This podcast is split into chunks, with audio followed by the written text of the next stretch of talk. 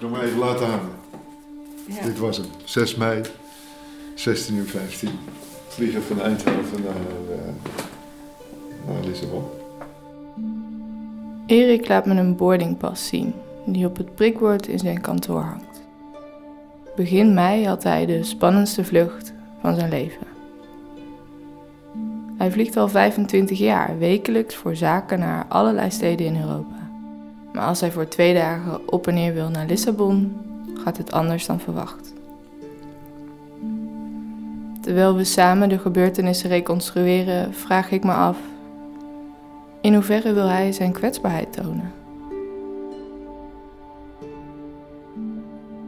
Als Erik het vliegtuig inkomt, ziet hij dat hij een van de weinige zakenmensen is. Je kan je voorstellen, Transavia naar Portugal, hè, naar Lissabon. eh, bijna allemaal mensen die daar voor een lang weekend met vakantie naartoe gaan. Erik neemt plaats naast een wat ouder echtpaar. Eigenlijk alles normaal. Eh, de startbaan op, eh, opstijgen, allemaal prima. Snel door het wolkendek heen. Ja, en toen gebeurde er iets. Eh, het toestel begon ineens snel te dalen. Ik zei ook meteen tegen mijn buurman van... Hé, hey, hij, gaat, dalen. Hè? En dat, ik bedoel, hij was eigenlijk nog aan het stijgen, hè, want 9000 meter. Daar hoorde ik later, zaten we op. En hij gaat dan toch naar 10 of naar 11.000 meter cruisehoogte. en hij, hij begon ineens te dalen, dus dat, dat vond ik eigenlijk wel vreemd. Ehm, maar ja, goed, dat er iets aan de hand is, dat is wanneer die zuurstofmaskers, want ik vlieg al heel erg lang. En ik vlieg bijna elke week, maar dat heb ik nog nooit meegemaakt. Dat echt de zuurstofmaskers eruit komen en dat je het zuurstof nodig hebt.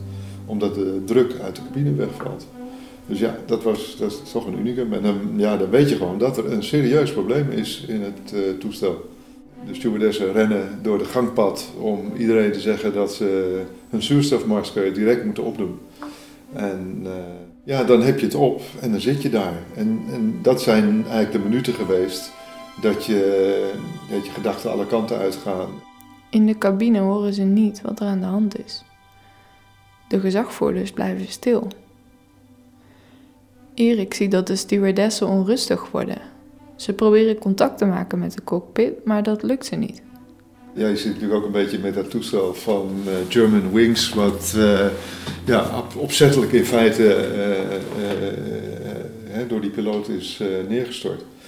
En daar heb je dan toch, dat zit allemaal nog zo vers in je hoofd dat dat, dat is net gebeurd, dat er zoiets misschien nog wel een keer kan gebeuren.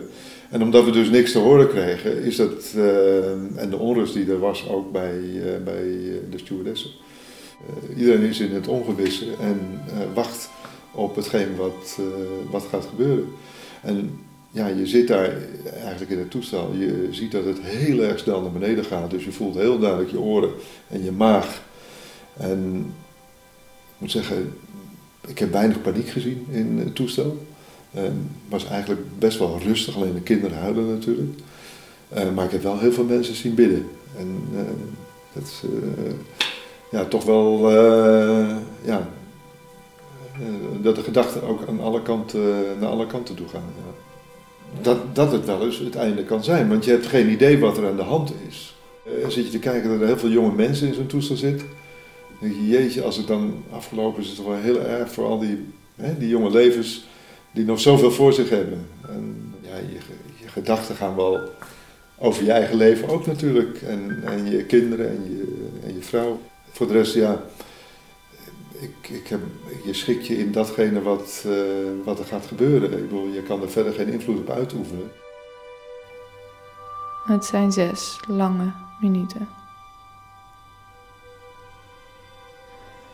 En dan klinkt opeens de stem van de gezagvoerder. Problemen met de drukcabine. Uh, dat is plotseling weggevallen. Dat noodzaakte uh, snelle daling te maken. Eerst gezien, ook de zuurstofmaskers zijn eruit gekomen. Maar hier een gedeelte van hoogte dat, het, uh, dat hij normaal kunt ademhalen. Het vliegtuig is uh, volledig onder controle. We zijn uiteraard uitgeweken naar uh, de dichtstbijzijnde luchthaven. Dat is in dit geval de luchthaven van Lille. Daar zijn we naar onderweg. We verwachten binnen nu en een minuut of 10 en 15 op de grond te staan. Zodra we op de grond zijn, krijgt u verder instructies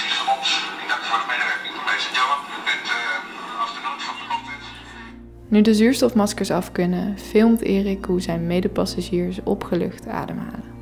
De piloten leggen uit dat zij niet eerder iets om konden roepen, omdat ze zelf ook zuurstof nodig hadden. Terwijl de maskers nog voor hun hoofd blijven bungelen, maakt het vliegtuig een noodlanding in. En daar wachten zij samen op een vervangende vlucht naar Lissabon. We werden naar een eh, bepaalde ruimte geleid waar we een consumptiebond kregen. Dus, eh, maar daar sta je wel allemaal bij elkaar. Iedereen praat met elkaar. Omdat je samen zo'n intens eh, gebeurtenis beleeft, dat, eh, dat schept wel een band. Dus je praat met iedereen, overal over. De captain en de co-piloot komen even later naar de ruimte om uit te leggen waarom ze pas zo laat reageerden en dat alles onder controle was. Gerustgesteld vliegen ze diezelfde avond nog door naar Lissabon. Voor het leven van Erik na deze ervaring weer verder gaat, wil hij nog wel één ding doen. Eh, Stel je voor dat er iets gebeurt, dan zijn er bepaalde dingen niet goed geregeld nog.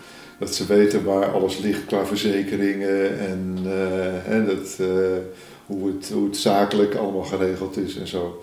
Ja, dat zijn toch wel dingen die, die je een keertje goed moet opschrijven en een soort mapje maken van stel je voor dat er iets gebeurt, check dit mapje even goed. Als je Erik zo hoort praten, lijkt het niet per se een hele donkere gebeurtenis. Voor zes minuten denken dat je doodgaat. Hij is een man met meerdere ondernemingen en vader van vijf kinderen. Hij heeft een verantwoordelijke positie. Wanneer ik hem vraag naar de boardingpas op zijn prikbord, geeft hij een beetje toe. Ja, ja, ja. En ik had de volgende dag wel een beetje een leeg gevoel. Zo. Als je dat nou zo specifiek vraagt, ja, dat had ik dan wel, ja. Ik denk, ja, hoe zou je dat moeten vergelijken? Als je een enorme inspanning geleverd hebt, kan je ook zo'n leeg gevoel hebben. Dat het een soort neutraal gevoel, eh, niet ongelukkig, niet gelukkig, maar gewoon heel neutraal, heel leeg, als je een enorme inspanning geleverd hebt.